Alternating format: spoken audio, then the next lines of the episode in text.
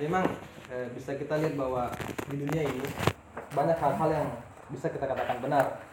Hanya saja kita kebanyakan juga salah melihat kondisi dan situasi di mana saat kita melihat kebenaran itu. Semisal saya saya dalam satu forum kan? Kemudian ada satu forum yang mengatakan ada satu orang orang yang mengatakan bahwa hal ini salah. Nah, ini memang benar dia mengatakan bahwa saya salah tetapi dia mengatakan dalam forum yang umum. Nah itu kan bisa dikatakan bahwa dia tidak bijak. Nah ketika dia tidak bijak seperti itu maka itu sudah melanggar dari apa yang dikatakan, apa yang dikatakan dengan kebijaksanaan. Bahwa dia benar tapi tidak bijaksana. Nah itu. Maka dari itu saya mengatakan bahwa kita tidak cukup dengan proses apa tidak cukup dengan mencari tahu kebenaran kita juga harus mencari tahu apa sih itu kebijaksanaan karena hal bijaksana ini menurut saya hal, hal yang dianggap sepele tapi ya dampaknya sangat luar biasa. Nah filsafat. Filsafat sering dianggap orang itu bahwa sesuatu yang membuat kita ateis atau membuat kita jauh daripada agama. Dan ini sebenarnya banyak dikatakan oleh para pemuka agama. Mereka mengatakan bahwa filsafat ini adalah ilmu yang tidak bermanfaat atau ilmu yang sia-sia. Tapi sebenarnya mereka tidak melihat secara substansi apa sih itu filsafat sebenarnya. Mereka mengatakan filsafat karena filsafat adalah produk dari pemikiran. Mereka tidak mengatakan filsafat sebagai metode untuk berpikir. Sehingga mereka dengan jelas dengan lantang mengatakan bahwa filsafat itu haram. Bahwa sebenarnya filsafat itu haram. Ya karena ada hasil dari pemikiran tokoh yang jelas-jelas juga mengatakan bahwa agama itu istilahnya tidak benar lah bahwa Tuhan itu tidak ada tapi itu bukan filsafat tapi itu hasil pak ya bukan bukan filsafat bukan hasil dari filsafat tapi itu hasil dari pemikirannya seperti itu kalau yang saya pahami filsafat Oh, dan juga eh, sama mau sebelumnya ya, filsafat ini juga sama sih agak ini belum terlalu mendalami karena kalau soal filsafat ini sangat umum sekali ilmunya sangat luas. Hingga saya pun belum bisa menangkap eh, yang mana saya harus pelajari dalam filsafat ini. Kalau saya eh, terkait filsafat saya biasanya lebih mendalami di soal agama. Karena apa? Filsafat biasanya selalu dikait-kaitkan dengan agama. Seperti itu. Karena eh, kita kan sebagai pemuka agama itu kita mengatakan bahwa ini haram karena ada tokoh agama yang mengatakan bahwa ini haram. Karena tokoh agama ini pun mengatakan ini berdasarkan nas atau dalil yang diambil dari kitab yang diyakini. Nah, bahwa sebenarnya filsafat itu kalau kita bisa berpikir secara luas karena filsafat kan harus memang kita ditekankan harus berpikir secara mendalam secara lebih luas kita harus belajar bagaimana kita mengetahui pendapat orang lain tentang tentang ini atau tentang itu. Nah setelah kita diajarkan untuk itu. Bukan kita bisa belajar untuk untuk berpikir kritis dan berpikir secara luas. Nah filsafat dalam agama itu kebanyakan orang melihat dari segi itu tadi bahwa filsafat dijadikan sebagai produk pemikiran tidak mengatakan sebagai metode untuk berpikir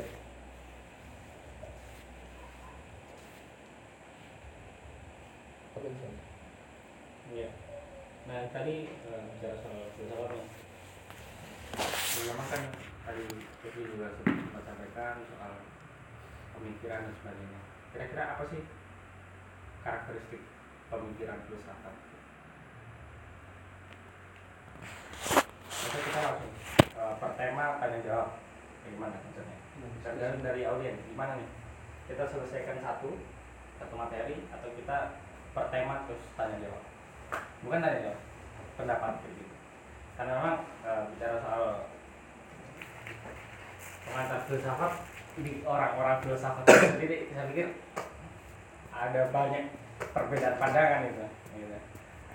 dan sesuai dengan latar belakang masalah yang dihadapi atau bacaan bacanya dikumpulkan gitu, akumulasi bacaan. Atau gimana? Kita mau satu tema tanya jawab diskusi atau kita selesaikan gimana Hmm. Hmm. Sebenarnya sih bang, buku ini hilang tadi di kampusnya. Jadi maksudnya sambatan itu selalu bos sudah. sudah dulu pak ya Iya. Jadi apa yang bisa saya bahas? ya. Jadi mungkin teman-teman ya kita akan diskusi. materi saja hmm. Info materi Hmm. Apa sudah habis ada lagi soal Tambahkan. Menurut pemateri ini soal dari yang pemateri singgung pemikiran yang kritis dan bagaimana? apa sih yang membedakan filsafat dengan pemikiran-pemikiran yang lain. Yang membedakan pemikiran sama pemikiran lain itu kalau pemikiran lain kan macam ilmu ya. ilmu kan itu banyak ada ilmu tentang matematika ilmu filsafat itu yang bisa dibedakan bahwa ilmu filsafat itu kan ilmu yang luas sedangkan ilmu matematika dia hanya berpatokan pada angka-angka atau hitung-hitungan. Nah sedangkan filsafat itu lebih daripada itu. Filsafat dia bisa bisa membedah bahwa sesuatu ini asalnya dari mana. Dan kenapa bisa dua tambah satu itu hasilnya tiga? Filsafat dia bisa mencari tahu lebih dari pada itu. Sedangkan matematika dia hanya terpatok pada apa yang telah dihasilkan dari dua tambah satu sampai tiga kemudian kita stop sampai di situ saja dengan filsafat dia terus mencari kenapa bisa? Kenapa bisa mencapai ya angka tiga? Terus kenapa bisa dua tambah satu hasilnya tiga lima tambah lima tambah hasilnya sepuluh? Nah filsafat dia itu mencari lebih dalam lagi. Yang mencari lebih kritis lagi. Karena yang lain dia itu ilmu yang pasti. Mencari sebab kenapa hal itu bisa terjadi gitu ya? Gimana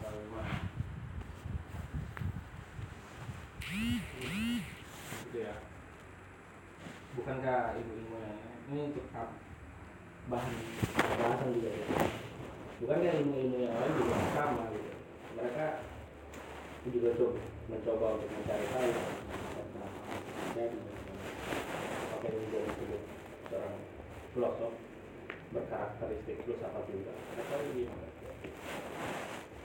dan sampai sejauh mana sih batasan-batasan mencari itu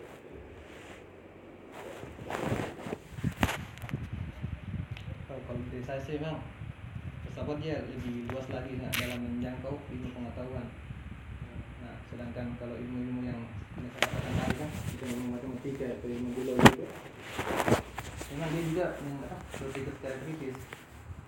Tapi beda lagi dengan filsafat? Nah yang secara secara ilmu juga saja belum terlalu mendalami sih makanya. Itu yang ingin saya sampaikan. Berkaitan nih soal nakal yang mendalam. Karena karena sesuatu kan mungkin ada batasnya gitu. mungkin kita sudah sepakat bukan bukan mungkin pernah mendengar bahwa akal itu ada batasnya ya nggak sih? Sepakat ya sepakat. Mungkin sepakat ya bahasa-bahasa itu kan yang sering muncul gitu. Akal ada batasnya. Ini ketika filsafat mungkin mentok pada batasan akal itu sendiri yang mungkin se- seharusnya tidak untuk dibahas hanya dibahas sampai Tuhan bahas apa sehingga banyak orang memandang filsafat itu sesat. Seperti tadi yang materi katakan bahwa ada berbagai macam tuduhan-tuduhan terhadap filsafat. Misalnya filsafat belajar belajar filsafat itu mungkin gila. Ya, karena dia ngelampaui gitu, gitu. bahkan bagi para agamawan dianggap sesat gitu karena hal-hal yang tidak perlu dibahas malah dibahas Tuhan itu ada gak sih kayak gitu itu gimana jawaban-jawaban filsafat bagaimana eh bagaimana filsafat menjawab tuduhan-tuduhan atas dirinya gitu. mungkin sebagai tambahan materi Gimana teman? Ada tambahan lagi? Syarat apa ada pendapat lain tentang ini? Kenapa para agamawan itu menganggap bahwa pesawat ini sesuatu yang tidak boleh dipelajari? Saya tadi seperti saya katakan memang, eh, kan kita kan umumnya itu kita kan kebanyakan itu bermazhab Imam Syafi'i kan. Nah, kita dan ada perkataan dari Imam Syafi'i yang mengatakan bahwa pesawat itu haram. Tapi kalau saya tel- telah lebih dalam lagi dan juga jawaban dari beberapa guru memang sebenarnya bukan filsafatnya yang diharamkan. Tetapi apa ya? Ah, tapi hasil dari apa yang dipikirkan itu tentang filsafat. Karena filsafat itu kan sebagai pisau bedah kan? Filsafat bisa dijadikan sebagai pisau untuk membuat ini haram dan membuat itu, membuat itu halal. Nah dan kebanyakan memang ada para filsuf filsuf kan memang menggunakan filsafat itu sebagai pisau bedah untuk bagaimana dia, dia, bisanya untuk bersikap sekuler atau menjauhkan diri daripada agama. Dan juga mereka tidak melihat bahwa ada juga sebagian filosofi itu yang memang menggunakan filsafat sebagai pisau bedah untuk memperkuat keyakinan atau mem- memperkuat akidah. Seperti Al Ghazali eh, macam juga tokoh sekarang Hasan Hanafi Iqbal dan lain sebagainya nah seperti itu saya kira Oke. Eh, ya tadi persoalan filsafat sebagai produk pemikiran ataupun sebagai proses berpikir atau cara berpikir. Kayak dianalogikan tadi misalnya kayak eh, filsafat itu kayak ibarat dia sebuah alat di mana itu bisa kita bikin banyak banyak produk yang bisa dihasilkan kayak semacam anu barangkali. Eh, perkakas begitu. Perkakas ada palu ada paku ada geragaji kau bisa memproduksi lemari bisa produksi meja bisa produksi kursi kayak begitu. Jadi ke, namun ke, naasnya adalah kebanyakan orang memandang filsafat itu dari sisi ininya dari produk pemikirannya. Misalnya kayak Marxis terus ada ada ada si tokoh sebelah atau aliran sebelah yang mengatakan bahwa eh, Tuhan itu telah mati terus dipandangnya oh, filsafat itu ternyata bagi mereka Tuhan te- telah mati. Padahal itu merupakan cuman salah satu dari daripada produknya. Ibaratnya itu cuman apa namanya meja mejanya. Belum lagi eh, dari perkakas yang lain tadi ini kan banyak dibikin. Bikin rumah malah dan bikin banyak produk lain. Nah mungkin kita harus condongnya ke itu proses berpikirnya. Atau apa namanya alatnya namun eh, jujur eh, mungkin eh, menggambarkan filsafat itu kayak gini. Eh, sama kayak katanya si siapa ya? Jalaluddin Rumi yang eh, jangan kau tanyakan apa itu cinta. Coba kau jatuh cinta dulu nanti kamu tahu itu cinta. Saya saya pikir sama kayak filsafat. Jangan kamu tanya apa itu filsafat jangan kau tanya. Coba belajar filsafat dulu. Coba belajar filsafat dulu terus atau tidak gabung sama orang-orang yang belajar filsafat nanti kau bakalan paham. Nanti kau bakalan paham. Itu dari awal dari awal saya masuk jurusan filsafat itu kayak memang kayaknya simpel deh. Orang dosen menjelaskan filsafat adalah cinta kebijaksanaan dan seterusnya semakin kemarin semakin kemarin justru ibaratnya kayak apa ya namanya kita lihat air eh, pas kita masuk ternyata dalam sekali gelap. Kayak begitu ya kurang lebih mungkin begitulah penggambaran saya dengan filsafat. Soalnya makin kemari makin sulit mendefinisikannya memang. Saya semakin kemari semakin tidak sepakat saya pendefinisian awal yang diberikan orang-orang. Macam cinta kebijaksanaan bijaksana itu seperti ini nih. Nyatanya eh, bijaksana yang digambarkan sendiri banyak. Orang filsafat pun bertengkar. Bahkan ada satu kalau saya mau bertanya mungkin teman-teman bisa tanggapi eh, filsafat itu masuk dalam ilmu nggak sih filsafat biasanya kan il- filsafat itu ilmu filsafat nggak? Pernah nggak dengar ilmu filsafat? Nggak kan? Pernah, jarang. pernah. biasanya filsafat ilmu. Oh iya sorry. filsafat ilmu. kan? Filsafat Apa ilmu. bedanya? ah beda. Kayak misalnya ada ilmu kedokteran ilmu ini ini, soalnya ilmu-ilmu itu cenderung memiliki disiplin-disiplinnya masing-masing. Disiplin ilmu. Disiplin ilmu kayak kedokteran mereka punya disiplin tersendiri. namun bagi filsafat saya justru nggak sepakat kalau di filsafat itu dia di dibakukan disiplin-disiplinnya. Seharusnya justru disiplinnya nggak bukan nggak ada cuman kayak harusnya nggak baku. Kayak biasa, biasa orang filsafat harus berpikir secara kritis terus radiks terus eh, apa komprehensif dan seterusnya. Eh, justru em, banyak kok tokoh-tokoh filsafat lain yang tidak menggunakan cara-cara berpikir itu tadi.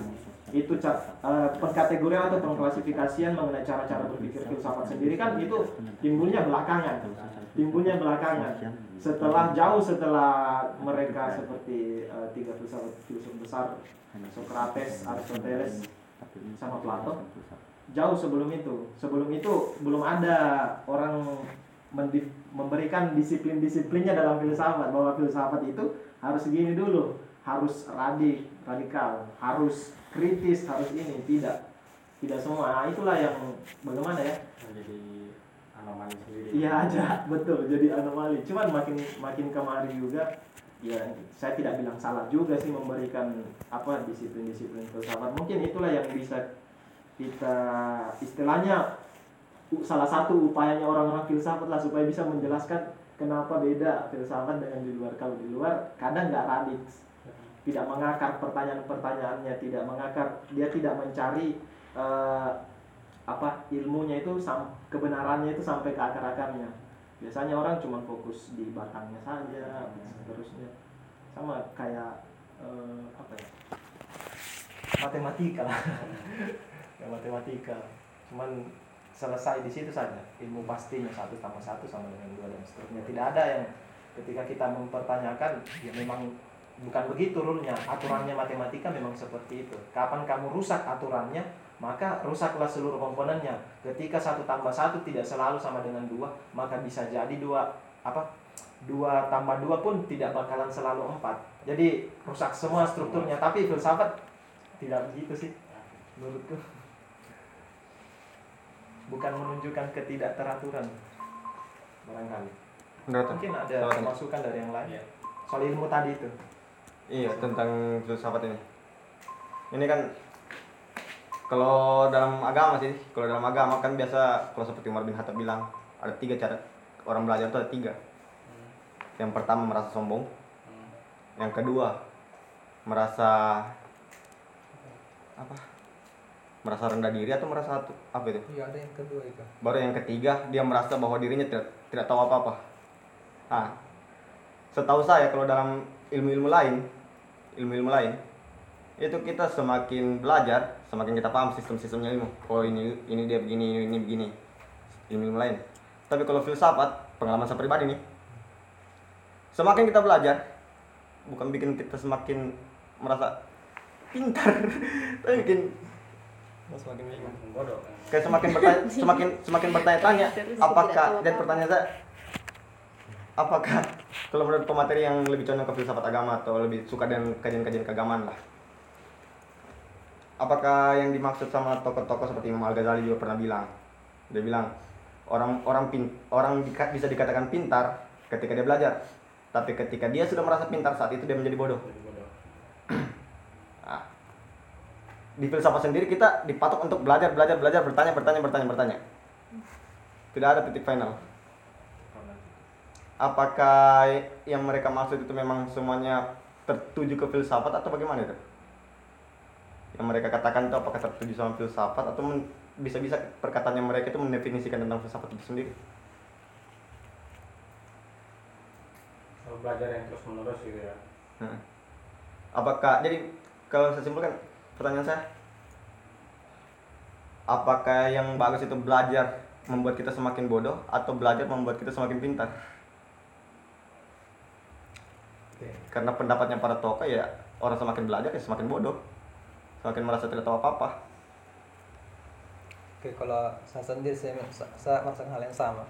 Kalau kita menekuni suatu ilmu yang pasti kan, misal ilmu biologi, ilmu matematika, ketika kita belajar itu terus menerus, maka kita akan merasa puas. Atau istilahnya kita akan membanggakan diri lah, bahwa kita telah spesialis atau telah ahli dalam bidang ini. Tapi beda lagi dengan yang filsafat. Saya sepakat dengan yang kalian bilang tadi, sebenarnya. Ketika kita belajar filsafat, maka semakin lama kita belajar, kita akan semakin bingung, semakin ini, semakin merasa bahwa kita yang belum tahu apa-apa. Semisal kan dikatakan ada, ada seorang tokoh itu bahwa itu filsafat itu bagaikan sebuah mutiara yang dalam sebuah samudra. Hanya orang-orang yang berani menyelam itu saja yang bisa yang, yang bisa Bisa ambil ambil itu mutiara, ya. mutiara. Nah, itu filsafat. Dia hanya orang-orang yang berani, orang-orang hanya orang yang berani kritis, berani radikal itu yang bisa mengambil atau yang bisa belajar dari filsafat itu. Hmm, sangat hal yang sama. Sampai sekarang pun saya juga masih masa kayak ah belum paham-paham tentang filsafat ini. Sehingga ada terus dalam diri itu untuk belajar. Ada terus penekanan dalam diri untuk terus belajar. Nah, jangan sampai eh, hal yang memang kita sukai tapi kita sendiri belum menekuninya. Nah, seperti itu. mungkin dari teman-teman ada merasakan hal yang sama? Ketika Nah, belajar filsafat itu. juga sih dari tiga pertanyaan itu. Jika itu semua narasinya kan agak negatif kan lalu mengapa kita melakukannya? Gitu nah atau bagaimana dari teman-teman ya atau dari Yusuf? Nah, kenapa ketika kenal dengan filsafat misalnya atau dengar kata filsafat apa sih yang terpikir dan terbayangkan gitu?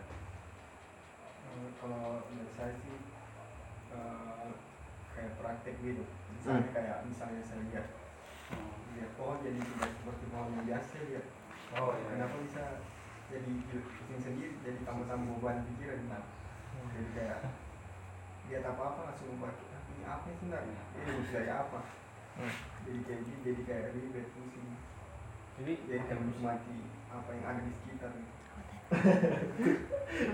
Iya itu itu pernah pernah ingat waktu kita PC dan komandan itu? Ada itu meme yang orang umum pada pada orang biasa pada umumnya kalau tidur langsung tidur. Ah. kalau orang filsafat Oh iya. sudah mau terlelap tiba-tiba berpikir "Ih, mana tuh? Anggaplah intinya kayak begitu. Gitu dia itu ada kadang di saat-saat yang tidak diperlukan Ah. atau di saat-saat Dia yang datang. tidak tidak kondisional itu kita bertanya betul itu mungkin kayak bisa di- dikategorikan sebagai penyakit? Menyusahkan diri sendiri. Nah, Iya, coba saya sedikit overthinking Iya. aneh. kalau saya toh kalau saya nilai kan kita saya anggap kita semua ini spesies binatang hmm. kalau pakai pandangannya Harari karena kita tahu kan binatang punya kelebihannya masing-masing contoh saya ambil contoh misal contoh nih burung. Kelebihannya apa? Sayap. Sayap ya kuda. Kelebihannya apa? Kakinya. Tenaga. Tenaga. Manusia kelebihannya apa? Akalnya yang punya sel-sel untuk berpikir. Burung sayapnya digunakan untuk pakai terbang terus. Hanya sekali-kali saja dia untuk bertengker di pohon. di pohon. Sekali-sekali setahu saya. Kuda umumnya biasanya dia manfaatkan kakinya untuk dipakai menjaga dirinya. Seperti kalau di hutan biasanya zebra lah. Atau yang sering saya lihat diburu itu zebra sih.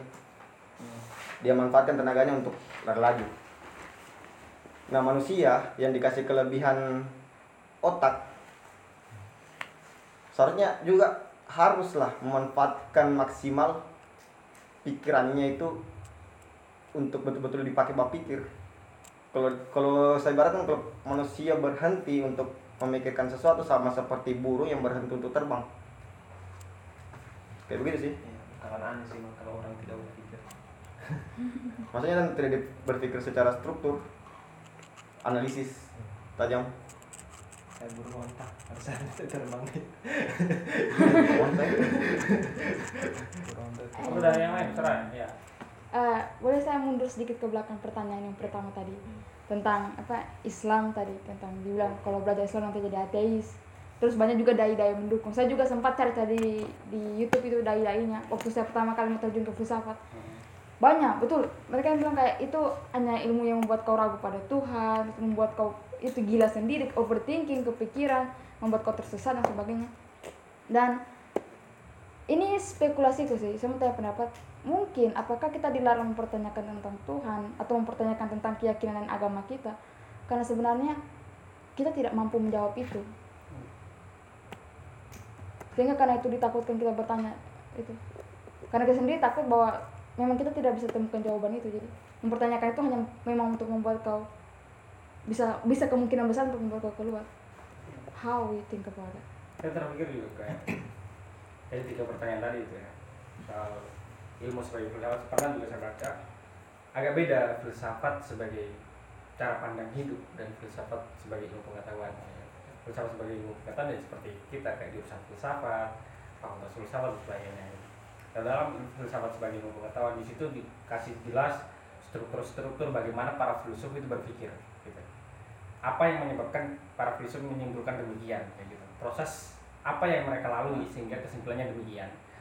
Apakah proses-proses yang mereka pakai bisa kita pakai. Pada saat apa kita pakai proses itu gitu. Nah tapi itu juga ada pentingnya ketika kita mempelajari filsafat sebagai ilmu bukan bukan hanya sebagai cara pandang gitu. Karena kita punya batas-batasan tersendiri gitu. Kayak semacam katakanlah kon- konsep ketuhanan dan sebagainya gitu. Ketika kita misalnya menemukan materi yang mungkin agak kita agak sesuai lah misalnya soal materialis eh, empirisme gitu, atau materialisme semua pandangan kita kan terletak pada apa yang kita alami. Sementara konsep Tuhan dan sebagainya sebagai macamnya itu adalah konsep-konsep yang luar dari realitas yang kita alami. Kita mengatakan adil pada Tuhan pendefinisian semua sifat-sifat Tuhan itu adalah sifat-sifat yang kita alami gitu. Kebaikan-kebaikan kita serahkan kepada Tuhan dan sebagainya nah ma- makanya itu mungkin saya pikir filsafat sebagai ilmu juga dalam dalam artian kita mempelajari para filsuf para hmm, bagaimana teori-teori filsafat dan gambaran-gambaran itu mungkin itu untuk membantu kita membatasi hal itu gitu. Karena ketika kita memang rasa nggak puas bagaimana Tuhan itu ada atau enggak sih? Tapi ketika kita juga sesekali terpikir oh iya memang su- sudah sebegini manusia gitu kita nggak bisa membayangkan bahkan kita membayangkan alien pun itu masih ada intervensi pengalaman kita. Kita membayangkan putri duyung intervensi pengalaman kita. Ya kan? Per- bisakah kita membayangkan sesuatu yang sama sekali tidak kita pikirkan? Yang belum pernah kita alami. Gitu. Orang mungkin di atas gunung yang nggak pernah lihat air gitu. Nggak bisa membayangkan bagaimana membuat kapal atau menyeberang lautan gitu. Karena social frameworknya kayak gitu. Dan mungkin itu juga hal yang sedikit membantu kita untuk ya agnostik saja. Tuhan itu ada atau tidak bodo amat kayak gitu. Tapi walaupun gitu ya sesat juga pada akhirnya gitu. Ya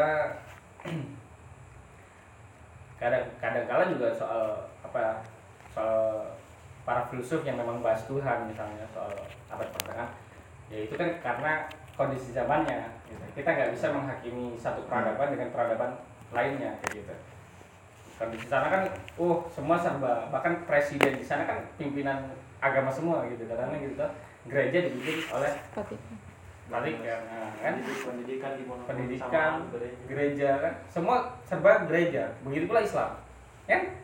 Islam ya Islam itu bahkan sampai orang yang berbeda itu saat kalau kita baca ilmu kalam ada perdebatan antara Mu'tazilah dengan orang apa Asyariah terus orang Mu'tazilah itu ditangkap sama pimpinannya. Asyari itu ketika siapa yang naik jadi khilafah itu ditangkap di penjara dan sebagainya. Itu kan konflik apa namanya konflik agama konflik teologi. Kenapa bisa masuk dalam negara? Kayak gitu. Karena memang kondisi zaman itu yang sehingga membuat orang terus mempertanyakan dan mendefinisikan kalau seandainya Islam tidak bahas para filsuf dulu tidak bahas apa itu Tuhan agama kita mungkin kehilangan umat gitu kan karena mereka juga e, mendefinisikan Tuhan secara rasional nah, maka mau nggak mau Islam juga harus bertarung untuk bagaimana mendefinisikan Tuhan secara rasional gitu. sesuai dengan konteks zamannya gitu. ya mungkin dari- teman-teman atau Kalau dari moderator, kalau dari pemateri sendiri, Pemateri, ya? pemateri sendiri, terus kalau saya lebih sukanya sih kalau sistem belajarnya tuh orang kayak seperti Fadan kalau moderator. hmm, Jadi kalau ada pertanyaan, pemateri dulu yang jawab. eh, Habis itu kalau misalnya kurang, harus ditambah moderator yang tambah. Gitu. Nah, ada beberapa pertanyaan soal benar nggak sih uh, filsafat sebagai ilmu? Ada nggak ilmu sebagai filsafat? Kita semua merasa keheranan gitu.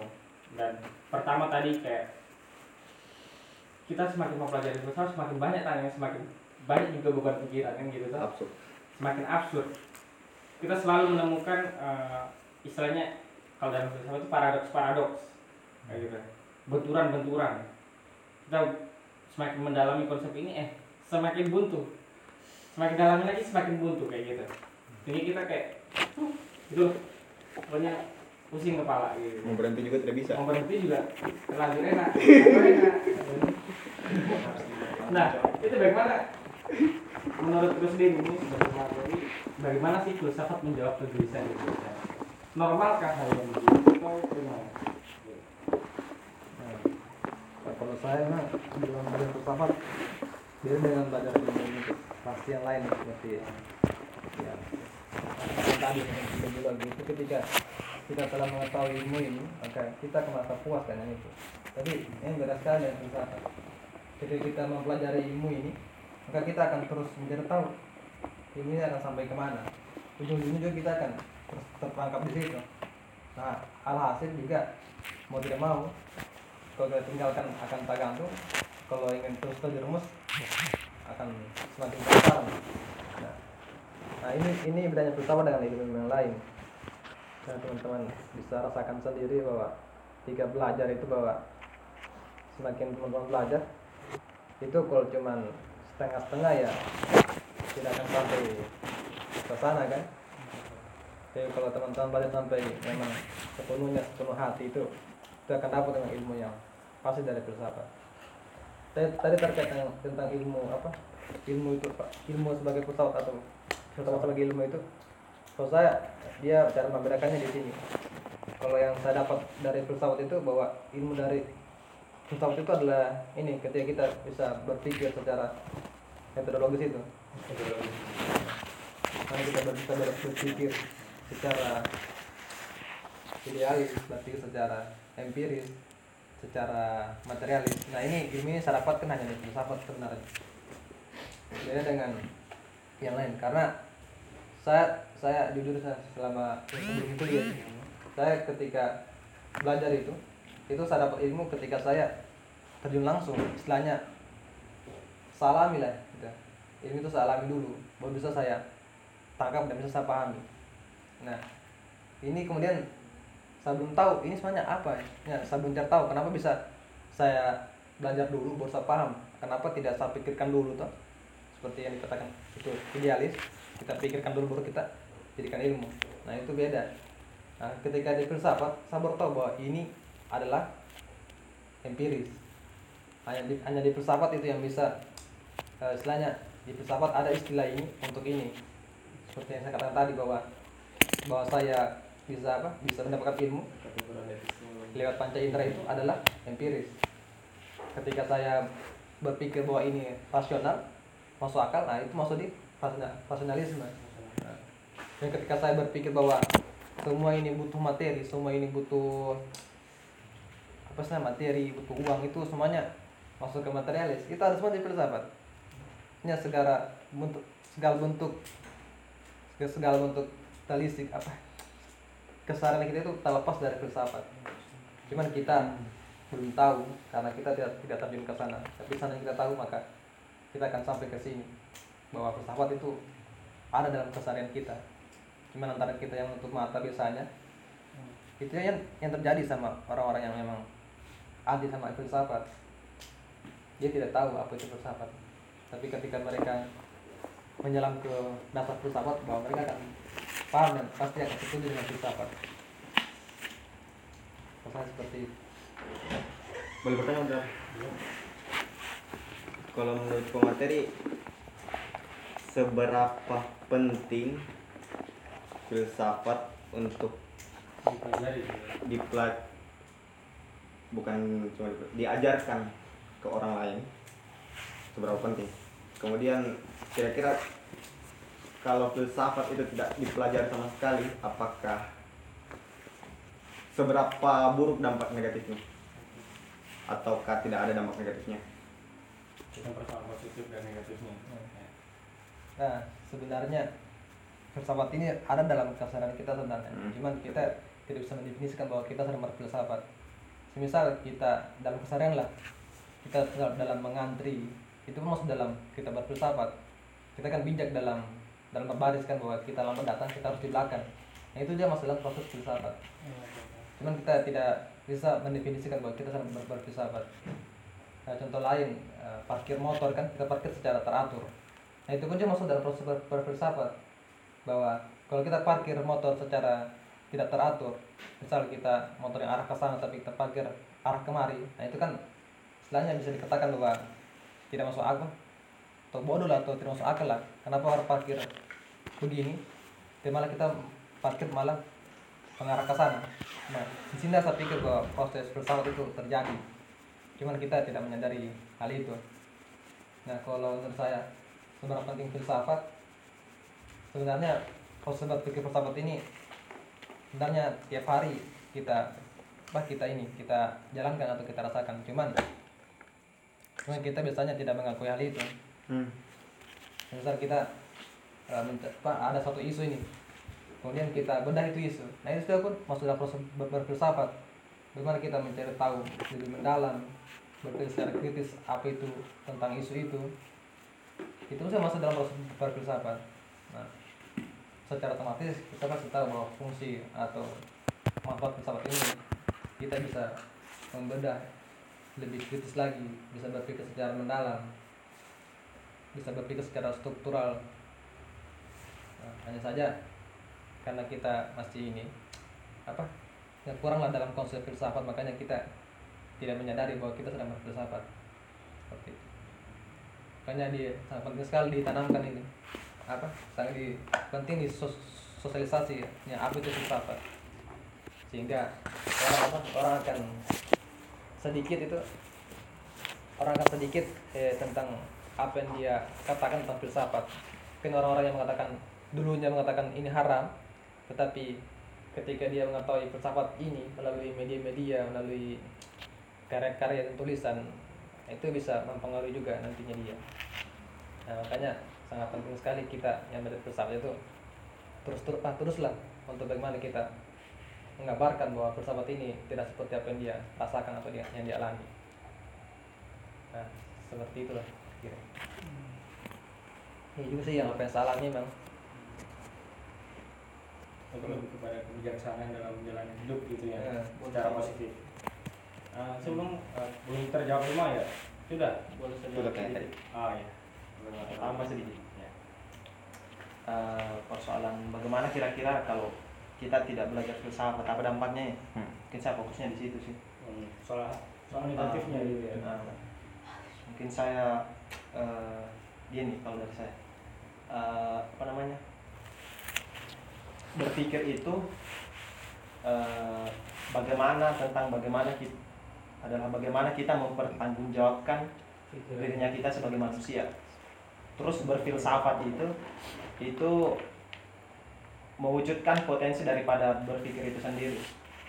Jadi eh, orang jadi manusia itu harus mikir demi mempertanggungjawabkan kemanusiaannya dia sosoknya dia sebagai manusia. Kalau dia tidak penuhi itu bisa bisa jadi ya bukan manusia karena memang harus tanggung jawab kamu itu bisa mikir loh berakal. Berpikir itu mempertanggungjawabkan keberakalan manusia. Ya kurang lebih kayak begitu. Kalau misalnya ditanya eh, kalau misalnya kita nggak belajar filsafat apa yang bakalan terjadi? Mungkin kita dosa dulu sekarang ya. Eh, karena eh, fungsi filsafat itu sendiri itu eh, dari zamannya. Bisa kita lacak langsung dari zamannya. Kayak misalnya kemarin waktu saya bawa materi sejarah coba kita tarik ulang. Sebelumnya waktu masih zaman mitologi. Masih ingat kan materi kemarin? Waktu eh, kepercayaan masih mitologi. Mitologi bagaimana kalau misalnya pada saat itu tidak ada nih muncul macam Dorang Thales atau filsuf-filsuf pusikoi lainnya? Tidak tidak muncul mereka menentang hal itu. Nah dari kemunculan mereka kan di situ ada eh, cara berpikir filsafat yang melekat sama mereka. Yang pertama itu ragu skeptis. Skeptis. Jadi mungkin itu kalau kita mau eh, memberikan kategori atau disiplin-disiplinnya di filsafat ya. Skeptis. Dorang skeptis. Skeptis dari mitologi-mitologi itu ragu dulu ragu. Jadi eh, ya ragu. Jadi salah satu ciri-cirinya orang berfilsafat ya kebanyak banyak ragu ragu ragu bahwa kejadian-kejadian di semesta itu alam semesta itu disebabkan oleh dewa-dewa ini yang tidak terlihat ini. Ragu. Kemudian berpikir dengan cara yang empiris itu epistemologinya. Lihat empirisnya. Kayak misalnya Thales kemarin air bilang oh ternyata. Mending saya mikir bahwa alam semesta ini dibentuk oleh air daripada diciptakan sama dewa-dewa mitologi yang tidak jelas yang dikisahkan sama orang juga nah itu. Terus dari kemari-kemari eh, bayangkan kalau misalnya mitologi itu masih berlaku artinya tidak ada yang tentang. Barat pun pasti masih kiblat ke sana karena budayanya barat. Itu kiblatnya ke Yunani. Mbak, cara berpakaian struktur bangunan apa segala macam itu ngikut sama Yunani dulu kan barat istilahnya masih primitif sekali Eropa Eropa ya Eropa masih primitif istilahnya barangkali begitu terus kemari masuk di Eropa problemnya di situ adalah gereja mendominasi segala, negara didominasi oleh gereja, bahkan pendidikan dimonopoli oleh gereja. Tidak boleh eh, kurikulum pendidikan tidak boleh keluar daripada apa yang telah ditetapkan sama Ya. gereja. Bahwa ya kalian tidak boleh bahas soal angkasa, soal apa heli- heliosentris atau geosentris. Pokoknya jangan buat penelitian seperti itu. Kalau kalian mau meneliti minta izin dulu sama gereja. Nggak boleh. Jadi istilahnya dibatasi di situ. Bayangkan kalau pada saat itu tidak ada pemikir-pemikir yang menentang hal itu. Apalagi salah satu pemikiran revolusi pemikiran yang paling terbesar pernah ada itu ya siapa nih yang heliosentris ke geosentris geo, geosentris heliosentris ya Galileo Galileo itu filsuf salah satu filsuf itu. Bayangkan kalau nggak ada itu. Sampai sekarang bakalan ya intinya nggak nggak bakalan seperti sekarang. Mungkin bukan cuma Eropa lah ya yang didominasi sama gereja. Bahkan Indonesia mungkin bahkan seluruh dunia barangkali. Kalau misalnya pada saat itu eh, masa-masa yang kayak begitu atau masa kegelapan kayak begitu masih terus berlanjut. Tidak ada pemikir yang meragukan. Contohnya kayak Descartes. Kayak Descartes. Dia meragukan segalanya. Pada akhirnya dia cuma percaya sama dirinya. Di situ kan kita dap- kita dapat salah satu sama kayak awal-awal Prasokrates tadi. Orang-orang pusiko tadi ragu skeptis. Di situ kita dapatkan kemiripan atau kesamaan bahwa Descartes juga awalnya skeptis. Pertama Descartes ini kan dia belajar banyak hal. Belajar banyak hal. Belajar tentang agama juga. Namun akhirnya diragukan. Diragukan terus eh, cogito ergo sum yang nyata itu saya. Karena saya berpikir satu-satunya yang benar-benar adalah tentang sayanya yang berpikir. Bukan tentang apa yang saya pikirkan. Jadi cogito ergo sum aku berpikir maka aku ada. Saya sadar saya ada ya karena saya mikir. Coba saya nggak mikir nggak bakalan ada. Sa- hampir sama kayak tadi itu. Nah, makin kemari makin kemari masuk di Islam juga di Islam. Eh, banyak intinya peradaban Islam sampai dia mau, mau mencapai the golden age itu atau abad keemasan itu karena orang-orang filsafat atau karena naskah-naskah dari Yunani tadi. Kalau misalnya mungkin eh, kalau misalnya tidak ada filsafat yang mempengaruhi peradaban Timur Tengah pada saat itu eh, aliran-aliran kayak sufisme sekarang itu tidak bakalan besar kayak sekarang. Itu aliran-aliran sufisme apa segala macam itu banyak banyak loh dipengaruhi sama pemikiran-pemikiran Yunani sampai mereka eh, buat itu akal satu akal dua itu dari Plato semua dari apa? Peripatetik sama Israkia itu. Peripatetik jadi masyaiyah. Eh, peripatetiknya anu Aristoteles sama eh, Plato ide idealisme Plato masuk ke eh, Is- Israkianya anu siapa? Eh, Surawati yang terbunuh nah itu. Sampai seterusnya kemarin-kemarin akhirnya aliran-aliran Islam atau teologi yang kayak begitu ya akhirnya besar juga karena makin kemarin lambat laun kan ada terus tantangan zaman seperti yang saya gambarkan saya tidak tidak pernah lupa bilang bahwa filsafat itu selalu berhasil menjawab tantangan zamannya.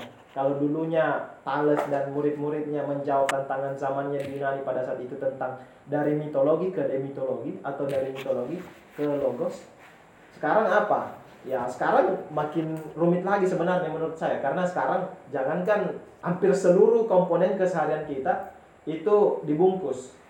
Dibungkus. Jadi sangat tidak wajar jika kita tidak meragukan banyak hal tentang berita-berita di media sosial tentang pemberitahuan-pemberitahuan yang ada di televisi. Seluruh media banyak seluruh media banyak menampilkan kebohongan atau kebenarannya itu dibungkus. Jadi kalau kita tidak gunakan metode skeptis di situ atau ragu ya bakalan ini. Terbawa arus. Ya terbawa arus. Akhirnya kayak ya bisa aja coba kamu lihat apa bebek di gembala. Ngikut-ngikut saja. Dia diajarkan mereka. Kenapa kenapa bebek tidak tidak tidak belajar buat lingkaran? Kenapa kenapa mereka cuma baris ngikut? Mungkin suatu saat kenapa tidak bikin sub bikin sub banyak? Subnya sekian ini Apa itu sekian binatang Ya. ada revolusi bebek memang salah ya sekali lagi saya tekankan bahwa memang kalian harus pertanggungjawabkan keberakalannya kalian kecuali kalian tidak mau pertanggungjawabkan keberakalannya kalian berarti kalian tidak menilai kalian sebagai manusia yang berakal kalau tidak mau berpikir dalam kayak begitu sampai skeptis sampai radis dan seterusnya memang harus Hmm. begitu. Berarti orang bisa dikatakan bisa berarti manusia bisa mempertanggungjawabkan dirinya sebagai manusia yaitu makhluk berakal ketika dia berpikir mendalam. Ketika dia mikir. Mendalam. Ya harus mendalam sih. Kalau mikir biasa saja. Kalau mikir biasa gimana ya memang? Ya kayak cuma bukan ini istilahnya berpikir mendalam itu potensinya. Untuk apa disediakan potensi kalau tidak hmm, gini? Oh potensinya itu Iya. pikir mendalam. Eh, Oh berarti bisa bisa dipakai bisa tidak. Hah? potensi kan? Kebanyakan orang nggak pakai sih Kalau orang berpikir Iya juga. biasa itu banyak kan biasa aja ya. Berpikir ya sebagai ada potensi masa nggak bisa Berarti dia tidak bisa dikatakan sebagai manusia kalau Kalau- kalau kau bisa melompat kenapa harus berjalan? Pada saat ada lubang kau nggak bakalan bisa jalan? Kau harus lompat. Potensinya kakimu bukan cuma jalan. Lompat juga bisa kok. Ada got kau tidak mungkin jalan saja terus. Ada air di bawah. Lompat. Atau cari kayu jembatan. Banyak kok. Digendong digendong kalau misalnya kecuali aku terbang. kalau misalnya mau menuntut ya mau gimana lagi itu kan masalahnya kodrat kita itu berpikir. Tapi tidak semua berpikir secara ini. Kodrat kita berakal berakal dan tidak semua berpikir secara ini. Ini persoalan pertanggungjawaban haruskah kita mempertanggungjawabkan pikiran kita? Karena itu bukan Ya, kita itu yang saya iya. Eh, kan seperti saya katakan itu ada kan cara berpikir pesawat yang itu lalu saya katakan bebas dan bertanggung jawab. Kita kan bebas itu dikatakan kita berpikir bebas itu itu nggak ada masalah. Kita kan dalam pikiran kita entah kita mau memikirkan apa kita memikirkan bahwa ama ini jahat ama ini baik itu kan terserah dari apa yang saya pikirkan. Nah itu kita dikatakan bertanggung jawab ketika apa yang kita pikirkan ini apa yang kita rasakan ini kita munculkan dalam perbuatan. Misal eh, dalam pikiran saya kan saya ingin mencuri. Nah kemudian apa dalam pikiran saya ini saya lakukan dengan perbuatan. Maka saya akan mencuri nah itu masuk dalam proses bertanggung jawab. Nah sini pun juga akal pun bermain. Kalau akal kita tidak pakai untuk memikirkan kenapa saya harus mencuri ini kan hal yang buruk. Tapi saya, tetap mencuri. Nah ini pun juga akal bertanggung jawab. Nah bagaimana kan kita kita kan bebas tapi harus bertanggung jawab. Setiap apa kali apa apa yang kita lakukan itu kan semuanya ada nilainya juga ada ada aturan juga.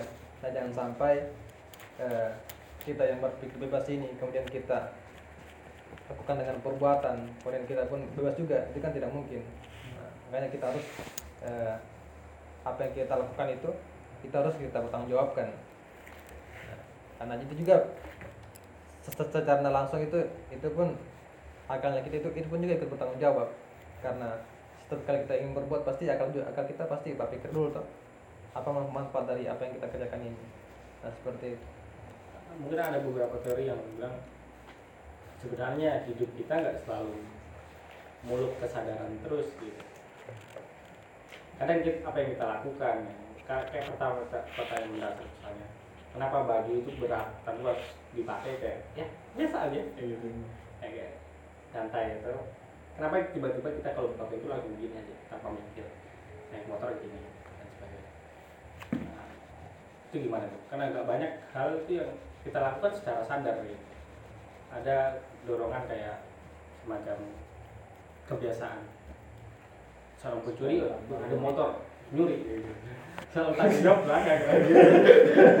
Ada helm motor terlalu melekat jiwa Yulinya di dalam. Diri lagi terlalu nampak sobat saya pengalaman Ya, persoalan pertanggungjawaban dan kalau kita tarik spesifik ke filsafatnya apakah artinya itu orang-orang yang memikirkan tentang apa resiko yang terjadi itu secara lebih khusus dia juga berfilsafat kan.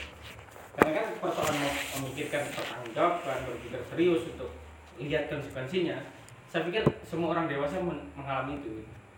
Anak-anak itu malah justru sebaliknya. Dia nggak bikin konsekuensi tapi dia tertarik dengan segala hal dan mereka terus belajar. Bahkan ada beberapa bahasa filsafat itu eh, jadilah seperti anak-anak gitu. Ketika kau kagum dan kau tidak takut dengan konsekuensi konsekuensinya nah itu dua pandangan ini gimana nih solusinya? Eh, pada materi apa tadi? Yang berapa tadi? kita juga lupa. Lol. Spontan aja. Ya kesadaran bukan kesadaran. Ah iya ya ya semacam itu. Bukan hal kesadaran dan kalau kita tarik spesifik ke filsafat aka- apakah orang yang memikirkan resiko? Kan itu pertanggungjawaban tuh Hmm. soal resiko dan sebagainya. Memikirkan resiko yang terjadi itu secara tidak langsung dia berfilsafat atau bagaimana gitu? Kalian dan sebagaimana terus kalau anak-anak misalnya anak-anak justru tidak memikirkan resiko gitu. Sementara ada bahasa-bahasa lain kita tuh seorang filsuf seperti anak-anak gitu. Itu konteksnya gimana Nah, kalau saya kan tadi Memang kan pesawat kan itu sebelum kita bertindak kan pasti kita olah dulu kan dalam Hmm. kan kita. Nah kita kan katakan pesawat ini ketika kita bisa berpikir secara mendalam kan secara rasional. Kita kan berpikir tidak hanya sejauh mana apa dari fungsinya, apa manfaatnya, apa juga kerugiannya. Nah kalau saya melihat bahwa ketika ada orang yang mencuri itu pun masuk sebenarnya masuk dalam proses berfilsafat. Hanya saja eh, dia tidak seutuhnya gitu menggunakan pikirannya. Karena dia hanya melihat dari dari segi untungnya mencuri ini tanpa melihat dari segi yang lain. Misal mencuri kan uh, selain manfaatnya baik untuk dia ada juga manfaat buruknya untuk orang lain. Nah, manfaat manfaat baiknya untuk dirinya itu kan dia bisa mendapatkan keuntungan dari apa yang dia curi. Sedangkan manfaat buruknya itu dia bisa merugikan orang lain. Nah, di sini bisa melihat bahwa dia ini masih kurang dalam proses berfilsafat atau proses berpikir karena dia tidak melihat dari segi keseluruhan. Dia hanya melihat dari segi yang dialami sendiri tanpa melihat dari segi orang lain. Nah saya di sini penting kita berfilsafat bagaimana supaya bisa kita merasakan apa yang orang orang yang rasakan? Tidak serta merta kita mementingkan diri kita sendiri Terus banyak sih orang yang berbuat jahat ya karena itu saja. Dia mementingkan dirinya sendiri tanpa mementingkan orang lain. Dia tidak memikirkan apa dampak jika, jika saya berbuat jahat pada orang lain jika saya mencuri pada orang lain itu pikirannya tidak sampai ke situ. Dan kalaupun sampai dan dan kalaupun sampai dia berpikir begitu pasti saya diajukan saja. Karena yang lebih diutamakan itu ya kepuasannya kepuasan dirinya sendiri dia tidak melihat apa yang orang rasakan mencuri dia tidak mementingkan dirinya sendiri bahkan dalam filsafat itu sebuah pertanyaan besar juga mengapa kita harus mementingkan orang lain no itu persoalan etika itu kita sudah cabang bersama iya dan masuk dalam filsafat etika oke eh, lanjut soal apa ini? Iya lihat pemikiran Rustin kira-kira menurut Bang? Kan etika deh banyak tadi banyak bahasa etika soalnya dia kayak lebih mengarah bahwa semua orang itu memang berfilsafat itu tidak beda-beda tipis dengan pemikirannya Gramsci kan? Sudah salah. Gramsci. Mungkin kalau Gramsci lebih ke karena ada itu Gramsci pen penilaian penilaian tentang intelektual organik dan non organik oh iya setiap orang berintelektual tapi ada misalnya soal intelektual organik ya bukan hanya mikir tapi dia cari solusi untuk menyelesaikan apa yang boring. solusi. Makanya dari itu mungkin positif yang pandangan bahwa setiap orang itu filsuf karena setiap orang itu intelektual. Nah gitu atau ada filsuf orang juga boring ya. ter- terhadap tentu kalau memang setiap orang filsuf lalu bagaimana dengan pengkategoran pengkategoran ini filsuf ini filsuf dan ini filsuf dan mengapa kita harus mempelajari filsafat kalau semua orang ada filsafat. Mungkin dari teman-teman misalnya siap ya. Nah, saya pikir kalau ini sebenarnya secara nggak langsung hal-hal yang begini ini ada praktek dari filsafat sebenarnya. Karena nggak semua hal eh, dijalani seperti ini gitu. Orang malas mikir panjang lebar tentang segala sesuatu. Kalau beliau komentar nih ya nambah ya saya pikir eh, mengapa kita mempertanggungjawabkan mengapa kita memberikan sesuatu? Mengapa kita mempertanyakan pohon itu harus gini dan sebagaimana berbagai macamnya? Mengapa kita harus memikirkan kenapa kita harus peduli? Mengapa kita harus memikirkan kenapa kita harus bertanggung jawab dan sebagaimana berbagai macam? Karena ada pandangan saya pikir kita tidak lain seperti robot gitu. Si eh, robot yang kompleks gitu. Robot itu misalnya HP ini kan bagian dari robot kan? Ketika saya buka WA ini adalah kesadaran HP ku gitu. Hmm. saya buka menu ini. Ini adalah kesadaran HP ku kan. Tapi ada sistem yang lebih kompleks gitu. Tidak di luar dari HP ku. Sehingga saya membuka ini. HP ku tidak bisa untuk mm, share melalui inframerah. Karena tidak ada sistem yang ditaruh untuk inframerah. Kayak gitu jadi kita semua kayak robot dan kalau HP robot biasa begini yang install itu manusia. Sementara kita ya katakanlah kalau bertuhan Tuhan saja lah gitu. dan eh, kalau secara umum ya kita yang mengisi program dari kita adalah realitas kita itu semua realitas yang kita dapat bahkan komunikasi dan sebagainya macam itu masuk kan dalam pikiran kita gitu. Dan kita tidak pilah pengetahuan yang masuk dalam pikiran kita akan mempengaruhi tindakan kita gitu akan mempengaruhi bagaimana kita menilai seseorang memikirkan diri kita sendiri persoalan emosi dan sebagainya. Artinya kalau kita menghadapi realitas secara mengalir saja ya hidup kita pun juga mengalir ya. Gitu mengapa? Karena ada ungkapan Socrates itu hidup yang tidak diuji adalah hidup yang tidak patas untuk berjalan gitu. Karena memang eh, hidup kita kalau nggak mempertanyakan banyak hal gitu ya kita akan mengalir. Sebagaimana robot yang sudah disistem. Kayak gitu. secara nggak langsung saya pikir em, secara manfaat nih, untuk mempelajari konsep filsafat. Sebenarnya bentuk dasar dari filsafat itu soal klarifikasi konsepnya itu kejelasan itu. Kita tahu apa yang kita tidak tahu dan kita tahu apa yang kita tahu nah, dari apa segi manfaat nih. Makanya dari situ uh, misalnya kok kenapa aku nggak pakai baju ini? Ini kan tren. Nah, kalau kita ikut tren ya kita habis uangnya untuk beli ngikuti tren ya gitu. Kita coba kalau kita pertanyakan apa itu tren? Mengapa kita harus ikuti tren? Kayak gitu kan itu pertanyaan-pertanyaan dasar gitu. Dan akhirnya kita tidak menjadi menjadi objek dalam realitas tapi kita subjek. Karena kita memikirkan dan uh, tahu apa yang kita lakukan kayak menjadi objek secara subjek. Gitu. Ya, dari pendapat teman-teman ini soalan atau lanjut soal nih berpikir nih atau kita fokus dulu per tema nih. Soal karena sudah ada sekitar lima tema saya kotakkan. Gitu ya. Pertama kita coba memikirkan apa sih yang sedang dipikirkan filsafat itu gitu. apa yang bikin beda filsafat dengan ilmu yang lain gitu kita tadi bicara soal pertanggungjawaban. Semua orang memikirkan pertanggungjawaban gitu apa yang beda? Misalnya terus eh, mempertanyakan banyak hal. Banyak para ilmuwan juga mempertanyakan sesuatu gitu. Tidak ada satu teori kalau tidak muncul pertanyaan. Kayak gitu. Kan? Kemudian hmm, bahkan kita bikin makalah harus ada rumusan makalah. Berarti kita juga mempertanyakan. Lalu apa yang membedakan dengan filsafat? Gitu. Terus misalnya apa lagi? Soal kebijaksanaan. Bagaimana dengan para agamawan oh dia orang yang bijaksana. Apakah para agamawan itu seorang filsuf? Gitu. bijaksana bagaimana yang dimaksud sama filsafat kayak gitu. Bagaimana dengan eh, para filsuf-filsuf terdahulu yang men- mendobrak pandangan-pandangan mayoritas? Bahkan orang-orang mayoritas itu jengkel benci.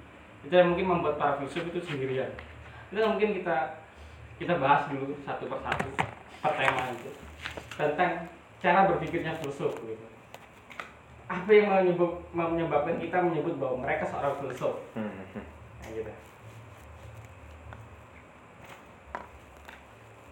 Mungkin dari pemateri untuk pemantik untuk ngawali. Waktu dan saya persilakan. apa yang membedakan filsafat dengan ilmu-ilmu yang lain Nah, dari segi pemikirannya ya. Wow. Mungkin teman-teman ada yang bisa jawab Iya, kayak gitu. Nah, kalau saya sih kalau saya membedakan filsafat dengan yang lain kan filsafat itu sebenarnya dia lebih secara mendalam sih dalam mengkaji satu hal, ya. satu persoalan. Nah, kalau kita bandingkan dengan ilmu yang lain, itu kan dia hanya sebatas sama apa yang dia kaji. Misalnya ilmu biologi kan itu kan nanya sebatas tentang kehidupan aja, soal, soal bio, soal hidup, makhluk hidup. Nah, sedangkan filsafat itu dia mengkaji lebih dalam, ya apa sih itu makhluk hidup? Kenapa dia harus hidup? Karena dia sebagai khalifah kan di muka bumi. Oh, benar. Manusia adalah kondisi nah itu.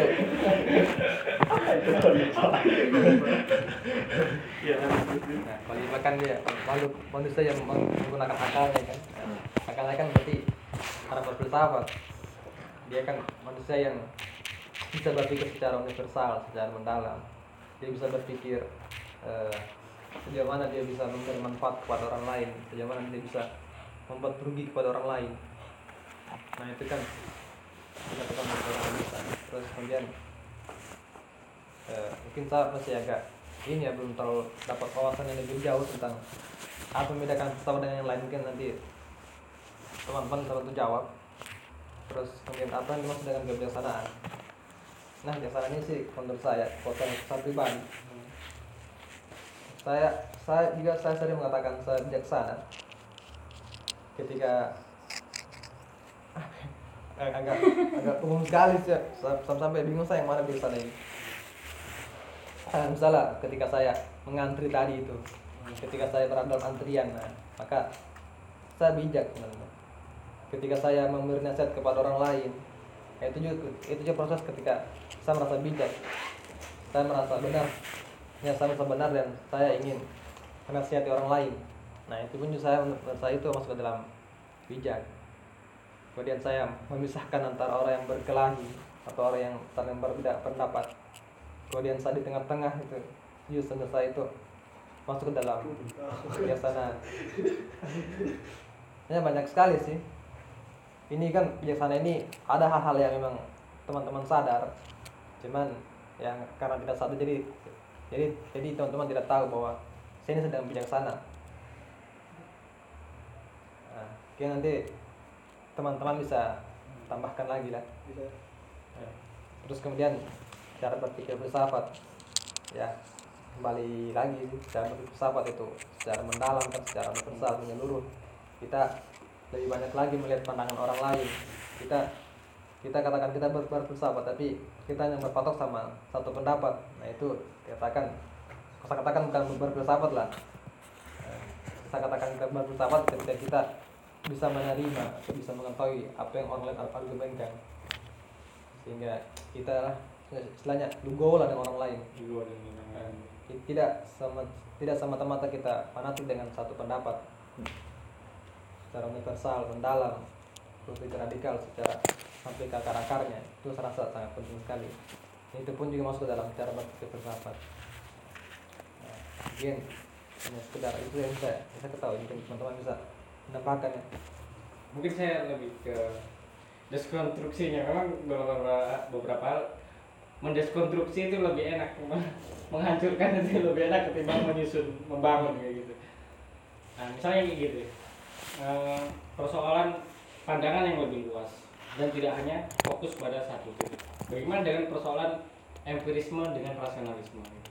Kenapa hanya satu titik? Pengalaman saja yang utama padahal harus membutuhkan akal juga gitu. Kalau dia berpikir luas berarti ya harus logo juga dia. Oh iya akal juga penting kayak gitu. Tapi masalahnya antara rasionalis dengan empiris itu gelut terus itu soal utama mana akal dengan pikiran gitu Heraklitus Parmenides gelut juga itu soal yang diam dan yang bergerak. Nah ini gimana nih? Persoalan bijaksana soal ka- karakteristik berpikir dan sebagainya. Mungkin dari teman-teman ada pendapat kalian? Mungkin saya tambah soal tadi ya. Eh, mungkin kayak kalau menurut saya eh, tidak sepakat sih kalau misalnya ditanya apa yang membedakan filsafat dengan ilmu lain. Justru mungkin saya tanya sebaliknya. Emang ada samanya? Nah. Memang tunggu dulu. memang memang selama ini sama gitu.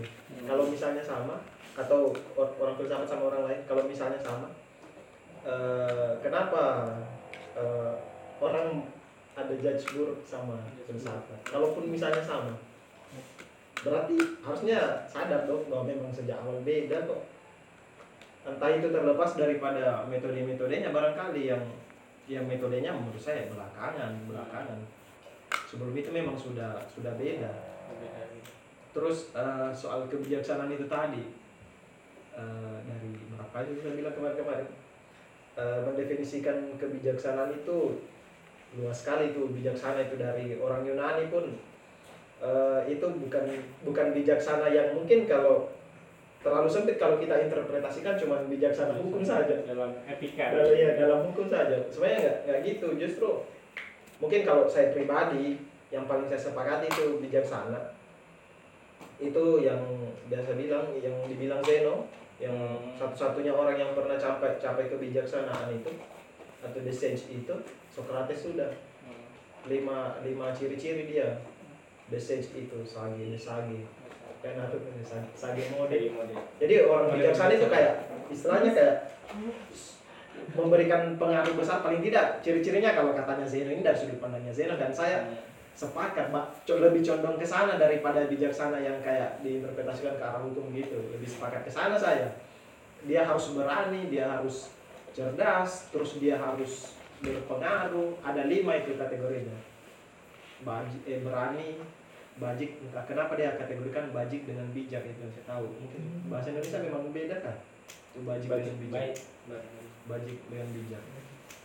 Ah itu baik ya. pokoknya ada lima itu. Masuk sudah berani. Jadi kalau tidak memenuhi lima kriteria itu katanya Zeno itu bukan tidak belum mencapai the sage atau kebijaksanaan belum bijaksana dia kalau dia cuma bisa membandingkan antara yang mana dapat hak dan yang mana yang tidak dapat hak dan kata lain eh, soal timbangan ini baik buruk benar salah itu kan banyak kan orang nilai bijaksana oh bijaksana ini hakim karena ini di, di penjara ini ini yang salah di penjara ini yang tidak tidak salah tidak di penjara. Bijaksana bukan cuma dari situ banyak banyak kayak banyak. Di kalau dari sudut pandangnya Zeno dan saya sepakat dan sedikit lebih banyak ke sana sih. Oh, iya. Cuma enggak enggak baku juga di sana. Mungkin lebih luas lagi soal bijaksana kalau kita pakai misalnya berarti prinsip logis logisnya misalnya. Kan ini kalau prinsip logis kalau bukan A ya berarti bukan A. A itu A B itu bukan A kayak gitu. Kita pakai konsep yang sama Socrates itu bijak. Thales tidak seperti Socrates maka Thales tidak bijak misalnya kayak gitu.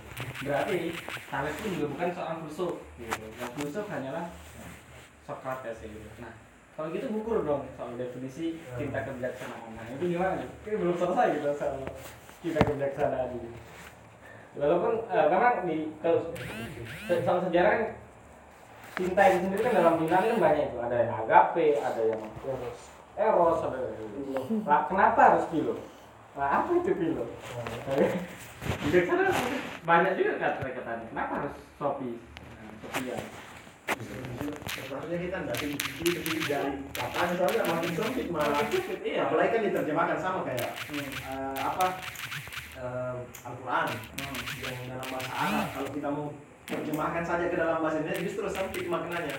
Sempit kan karena sastranya emang beda bahasanya terus bunganya itu cabang-cabangnya itu beda. Makanya di, di bahkan di Islam sendiri kan tidak dikasih nama lagi apa itu ada al-hikmah. Hmm. kan kebijaksanaan ada hikmah. filo apa? Falsafah. Filosof ya falsafah. Kenapa? Dibedakan itu. Agama itu apa? Eh falsafah itu Falsafah apa itu apa? Wisdom itu apa? Sage itu apa? Itulah karena kita kan di sini. Intinya kalau iya bakalan terjebak di bahasa sih emang kalau misalnya kita fokusnya di situ. Pada bahasa itu sendiri. Hmm. Tapi walaupun begitu, saya pikir kadang kita kan eh, apa?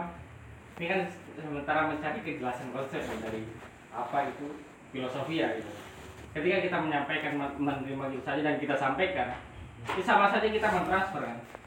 Kita mengatakan apa yang kita tidak tahu kayak gitu. Nah sementara filsafat sendiri mencoba mencari kejelasan kenapa kita harus, kenapa kita tahu bahwa ini adalah yang kita tahu kayak gitu. Dan persoalan perbedaan persamaan kalau dari, dari tadi kan saya misalnya nggak mempertanggungjawabkan dan sebagainya kan banyak yang begitu ya Bro. berpikir untuk mempertanggungjawabkan apa yang dilakukan. Apakah itu juga seorang filsuf atau bukan? Ada yang berpikir mendalam seorang ilmuwan berpikir mendalam. Apakah itu disebut filsuf atau bukan? Kayak gitu. makanya pe- dari persamaan pun mungkin ada segi perbedaan pun ada. Seandainya kita tidak menemukan persamaan dan memang filsafat dengan ilmu yang lain berbeda lalu kalau memang berbeda apa yang berbeda? Kayak gitu kita coba mencari kejelasan dari sini kayak gitu sesuai dengan pandangan teman-teman kayak gitu nah pada kita boleh sebagai kalau mau ditanya apa sih itu kebijaksanaan dalam filsafat kayaknya itu menjadi PR panjang bagi kita memang. Ya. PR panjang karena kalau saya kalau saya kalau saya nilai dari beberapa tokoh yang mengakui dirinya bijaksana Hmm. di sini di sini saya kayak mengambil gambaran bahwa kebijaksanaan itu kayaknya interpretasi setiap orang. Orang-orang berhak untuk mengatakan dirinya sendiri bijaksana ataupun menilai orang lain bijaksana. Jadi tergantung bag, siap bagaimana kalau mau dicari apa kebijaksanaan secara absolut kayaknya kalau dalam filsafat sendiri tidak ada kebenaran absolut. Jadi semuanya saya pikir kebijaksanaan itu relatif tergantung bagaimana siapa mendefinisikan jadi kalau mau dicari tahu yang absolutnya kebijaksanaan entah itu jadi PR panjang ataupun tidak akan didapatkan Nggak selesai gitu ya. Tapi hal yang menarik sebenarnya karena bagaimana kita bisa mengatakan oh, ini filsafat gitu. Tapi kita nggak tahu apa itu filsafat kayak gitu. Makanya kalau kita mau dari segi bahasanya, biasanya kan kalau pada segi kan dari segi bahasa, dari segi istilah. Nah, karena kalau pokoknya untuk mencari tahu apa filsafat, kita tanya pada siapa yang menamai dulu apa itu filsafat, kayak gitu kan. Nah, misalnya katakanlah Pitagoras yang namanya awal itu adalah aktivitas filsafat. Yang disebut Pitagoras begitu itu apa? Nah, sehingga dari situ ketika kita tahu apa yang dimaksud kebijaksanaan dalam eh, filsafat, kita bisa menilai bahwa ini bukan filsuf, eh, ini filsuf kayak gitu. Kan dari dari akar yang kita tahu gitu. Kita coba secara tidak langsung juga mau praktekkan gitu ya. Mau pertanyakan secara mendalam gitu tentang berapa klarifikasi konsep. kira-kira nih jika kita menemukan Hmm. tentang definisi kebijaksanaan dalam filsafat apakah itu akan disepakati juga sama filsafat para pegiat filsafat lainnya tentu berbeda tentu berbeda tetap jadi jatuh relatif nanti lagi-lagi makanya saya, saya bilang itu salah satu bentuk perbedaan dari filsafat ilmu lain begini. Ilmu-ilmu lain setahu saya sejauh sejauh yang saya tahu punya definisinya baik secara bahasa maupun secara istilah. Sedangkan filsafat hanya secara bahasa. Hmm. tapi kalau sudah digosok dimasuk secara istilah sudah pakai pandangan para tokoh. Para tokoh. Jadi itu kayak makanya sampai saya juga bertanya apa sih filsafat secara istilah ini secara absolutnya? Ya so, tapi sejauh yang saya, saya secara cari tidak ada saya dapat. Jadi memang kalau mau didefinisikan kebijaksanaan juga. Ya, ribet gitu ya. ya gitu. Kalau kita mau paksakan ya kita akan circle di sini terus. Kalau nggak selesai gitu ya. Apakah pertanyaan sama ya? Kalau memang seperti itu eh, katakanlah kita tidak mendapatkan definisi yang mutlak tentang apa itu kebijaksanaan gitu. apakah apa yang kita lakukan selanjutnya ketika kita mendefinisikan tentang filsafat. Misalnya ada Rocky Gerung yang mengatakan yang dikatakan bahwa dia seorang filsuf di Indonesia. Ada yang mengatakan oh dia bukan filsuf. Gitu. nah itu kan ribet gitu. Kita belajar filsafat oh kau ada filsafat? Terus apa itu filsafat? Nah gitu kan. Pertanyaan-pertanyaan yang mendasar itu. Kita mengatakan filsafat itu penting dan sebagaimana macam filsafat mengajarkan kita kritis. Apakah yang dimaksud kritis dalam filsafat itu. Gitu bukan itu. Kita oh, itu juga ah itu. Saya punya pandangan sendiri soal apa namanya? Soal kebijaksanaan dalam definisi KBBI kemarin kita cari kan? Kebijaksanaan itu bukan hanya sebatas kebaikan hidup tapi pengetahuan yang mendalam gitu. Soal mencari tahu tengah gitu. Moderat kalau kita ingin moderat kita harus tahu ujung kanan dan ujung kiri kayak gitu. Bagaimana kita bisa tahu tengahnya kalau kita nggak tahu di mana letak batas ujung kanan dan kiri makanya itu saya pikir kebijaksanaan nggak selesai karena mereka terus mencari di mana ujungnya ini gitu. Kamu nggak kamu KBBI, kamu KBBI. jangan buka KBBI kalau gue udah filsafat. karena iya sebenarnya Jangan buka Wikipedia. itu yang menarik dan ah mungkin justru ini barangkali ada gambaran-gambaran atau pandangan sendiri tentang filsafat kita sedang membicarakan filsafat saja ya jadi kita belajar di sini bukan untuk mencari tahu apa itu filsafat tapi kita sem- mencari inspirasi untuk dipikirkan nanti di rumah?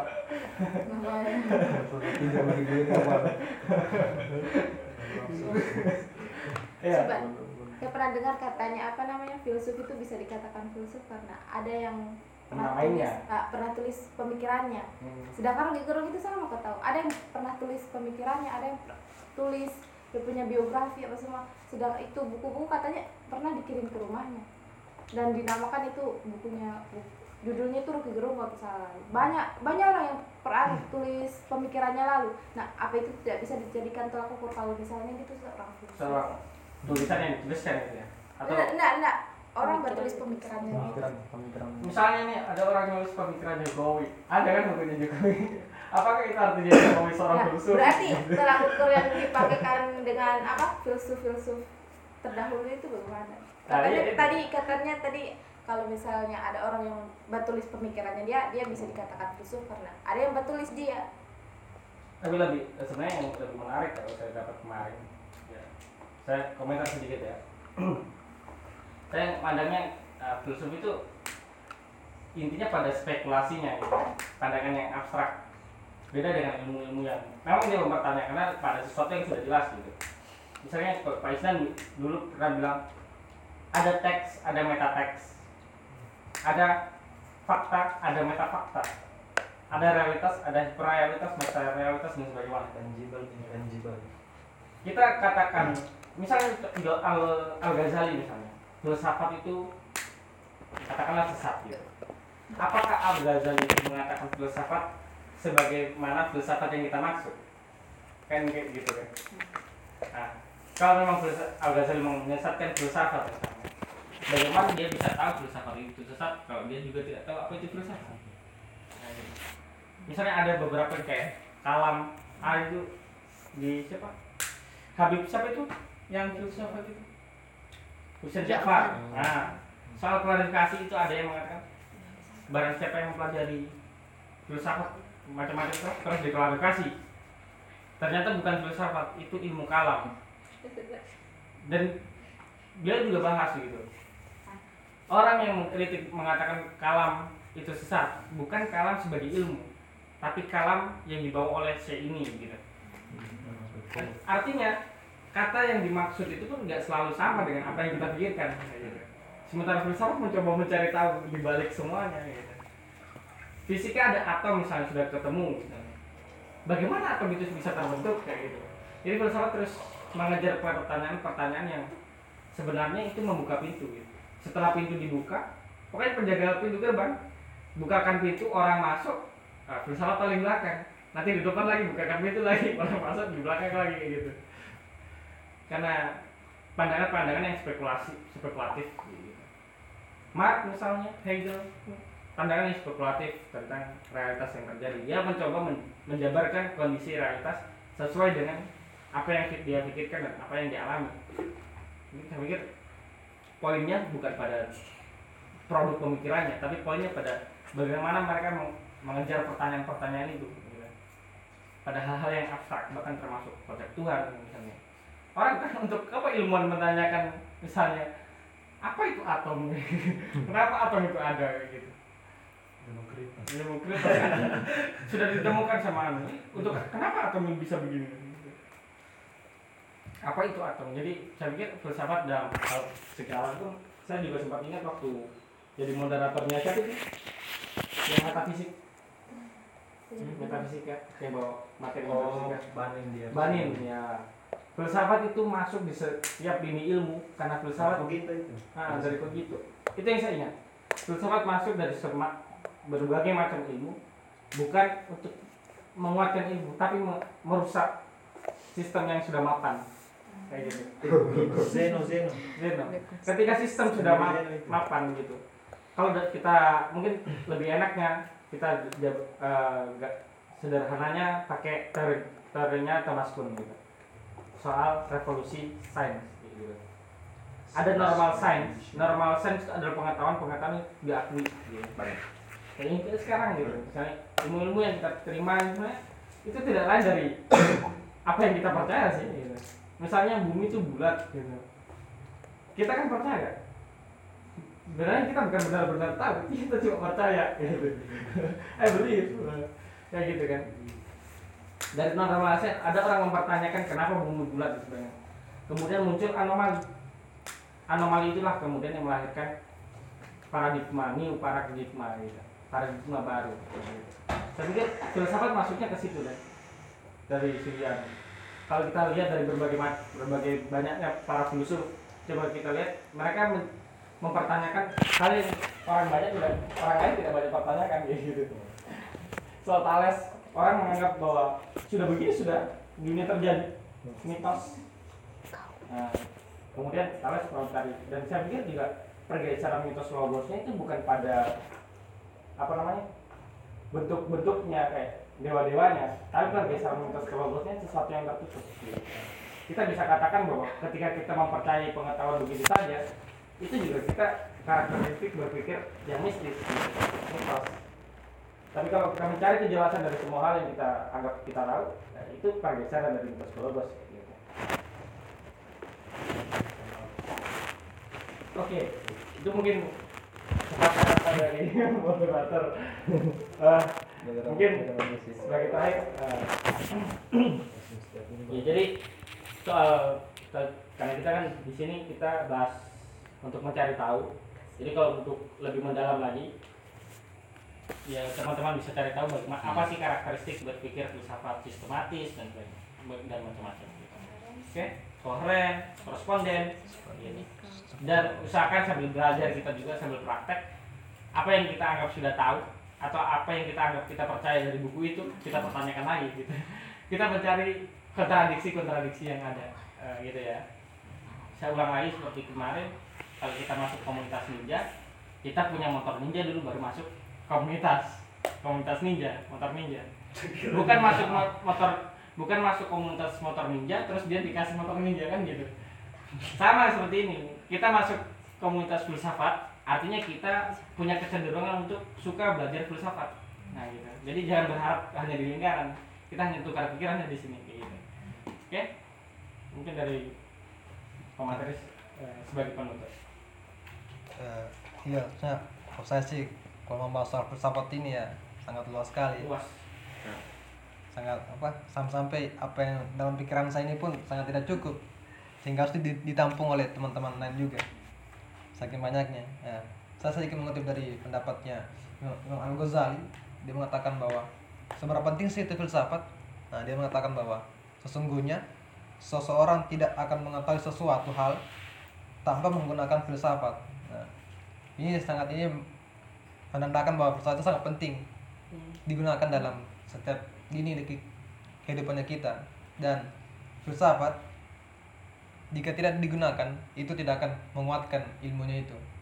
Nah, kita kan kalau tahu filsafat itu berpikir secara ini mendalam kritis nah, kalau kita tidak menggunakan itu ya sia-sialah ilmu kita yang, yang yang kita pelajari. Kalau hanya sebatas dogma sebatas ikikuta itu sangat tidak fair lah ya, sangat tidak cocok lah untuk kita yang berpikir secara mendalam secara radikal. Nah seperti itu. Mungkin dari teman-teman kan lebih bisa memahami lagi lebih dalam lebih banyak lagi soal filsafat nanti kita bertukar pikiran lagi pertemuan yang akan datang. Mungkin apa ya? Sebanyak lagi lah banyak lagi bacaan. Hah? kurang Ya. bacaan lagi sudah. Jadi itu, sa- eh, itu tadi penutup dari pemateri pemantik kita.